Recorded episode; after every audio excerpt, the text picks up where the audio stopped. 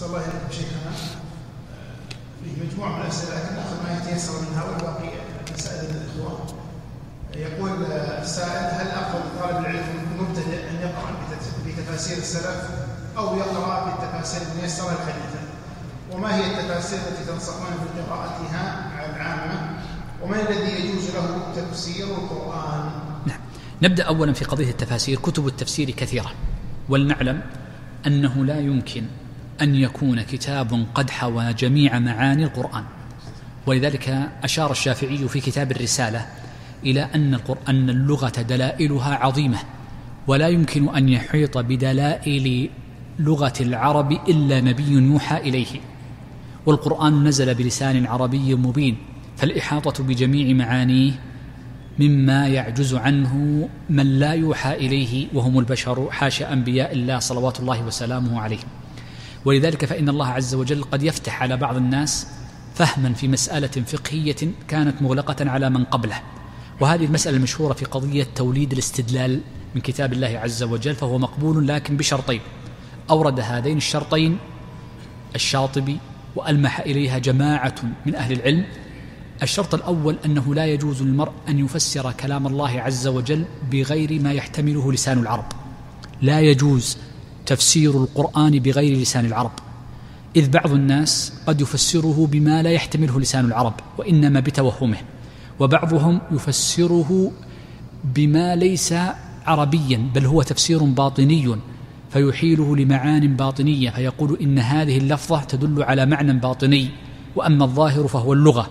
وهذا أخطر يعني خطورة عظيمة بل هو إلحاد في كتاب الله عز وجل. ومن الأمور التي تتعلق بذلك ما أحدث في وقتنا وأعتبره احداثا لأن أهل العلم قد أنكروه عندما أحدثته بعض الفرق في قرون سابقة حينما أصبحوا يعنون بتفسير كلام الله عز وجل لا بالعربية وإنما بالأعداد ونحوها. فإن مسألة الأعداد في تفسيرها في تفسير القرآن بحسب العدد فيقول إن الأراضين وردت بكذا عدد والسماوات وردت كذا جاءت جمعا كذا مرة بعدد معين. هذا لا يجوز بناء معاني كلام الله عز وجل ودلائله على هذا الأمر. فليس في القرآن ما جاء ما يدل على النظر في هذا الجانب وإنما أمر الله عز وجل بالتفكر في معانيه باعتبار العربية بلسان عربي مبين. وأما مثل هذه الأمور إعجاز الإعجاز المتعلق باللغة والإعجاز المتعلق عفوا الإعجاز المتعلق بالأعداد والمتعلق ببعض أنواع التفكر. لا شك أنه غير جائز لأنه ليس من داخل ليس داخلا في قضية لسان العرب. الشرط الثاني المهم أنه لا يجوز أن يضرب القرآن بعضه ببعض فإن كل فهم للقرآن على غير وجهه يجعل الفهم خاطئا. وقد قال الله عز وجل هو الذي أنزل عليك الكتاب منه آيات محكمات هن أم الكتاب وأخر متشابهات. فأما الذين في قلوبهم زيغ فيتبعون ما تشابه منه ابتغاء الفتنة وابتغاء تأويله وما يعلم تأويله إلا الله والراسخون في العلم. قول الله عز وجل إلا الله والراسخون في العلم جاء فيها قراءتان. قراءة بالوقف. فلا يعلم المتشابه إلا الله. والراسخون في العلم يقولون آمنا. فحينئذ في القرآن متشابه لا يعلم معناه إلا الله فنكن علمه إلى الله كالحروف المقطعة وغيرها.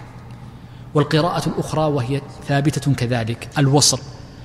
أن المتشابه لا يعلم تأويله إلا الله والراسخون في العلم هم الذين يعلمون تأويله كذلك. في المقابل هناك أقوام حكى الله عنهم أنهم يتبعون المتشابه وليسوا من الراسخين في العلم فضربوا كتاب الله بعضه ببعض فحينئذ أتوا بالعجب العجاب والنبي صلى الله عليه وسلم بين أنه أوتي القرآن ومثله معه فالسنة بيان القرآن. وقد ألف الشافعي في كتاب الرسالة أربعة أب ثلاثة أبواب أو أربعة في البيان الأول والثاني والبيان الثالث في بيان أن السنة جاءت بيانا. فهي تبين القرآن وتوضحه. وإذا أمعنت النظر وجدت في القرآن كل معاني السنة. كل معاني السنة على سبيل الإجمال موجودة في القرآن. ما فرطنا في الكتاب من شيء. ولذلك فالسنة مبينة ولا تنسخ القرآن كما قرره الشافعي وأحمد. المقصود من هذا كله أن من أراد أن يجتهد في القرآن فعليه بأمرين. الأمر الأول أن لا يخالف لسان العرب وقد ذكرت لك بعض الأمور المتعلقة بمخالفته. والقيد الثاني أن لا يكون تفسيره وتأويله واجتهاده فيه ضرب للقرآن بعضه ببعض. ومن ذلك أن لا يخالف السنة لأن السنة لم تأت معارضة للقرآن وإنما مبينة للقرآن. فإذا كان للمرء احتمالان في القرآن وفهمان فالفهم الذي جاءت به السنة هو الصواب. ولذلك ننتقل للتفاسير. فإن التفاسير التي جاءت أهمها وأجلها ما جاء عن رسول الله صلى الله عليه وسلم ونقله أصحاب رسول الله صلى الله عليه وسلم. وقد أطال العلماء في جمع الأخبار التي جاءت عن الصحابة وتابعيهم. ومن نعم الله عز وجل علينا وخاصة في العشر السنوات الأخيرة طبع كثير من الكتب المسندة لمتقدم أهل العلم. فمجاهد بن جبر تلميذ ابن ابن عباس رضي الله عنه طبع جزء مما فسر به القرآن ونقله عن ابن عباس. وتلميذ ابن مجاهد وهو عبد الملك بن جريج المكي المتوفى سنة 150 من الهجرة. طبع بحمد الله عز وجل ووجد تفسيره. ومن غيرها الكتب الأخيرة الكثيرة جدا تفسير ابن المنذر المسند تفسير ابن مردوية المسند تفسير ابن جرير المسند وهكذا المسانيد الكثيرة المتعددة وهي بحمد الله لمن وفقه الله عز وجل للعلم والبذل والجهد فإنه سيقف على تفاسير أهل العلم.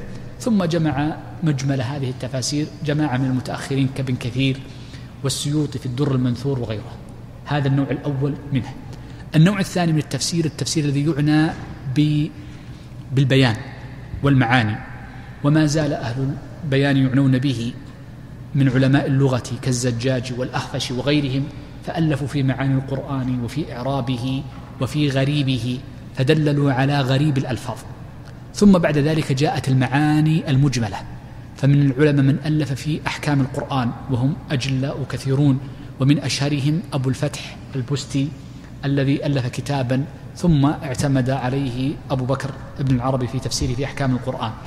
ومن أهل العلم من عني في المعاني المتعلقة بالجوانب التي تدل على الأخلاق والآداب. ومن أهل العلم من عني بالمعاني المتعلقة بأوصاف الجبار جل وعلا وغير ذلك من المعاني فالتفاسير كثيرة ولا يغني تفسير عن تفسير. وأما ما يقرأ على العامة فقد رأى كثير من أهل العلم أن الأنسب مما يقرأ على العامة تفسير مختصر موجز معاصر كتب بلغة سهلة بعد اجتهاد مؤلفه فيه وهو تفسير الشيخ عبد الرحمن بن سعد. وهذا الذي صدر به تعميم وزارة الإسلامية أن الذي يقرأ في المساجد تفسير الشيخ عبد الرحمن السعدي لأنه سهل الألفاظ يعنى بذكر الغريب مع ذكر المعنى الإجمالي للآية بلغة حسنة.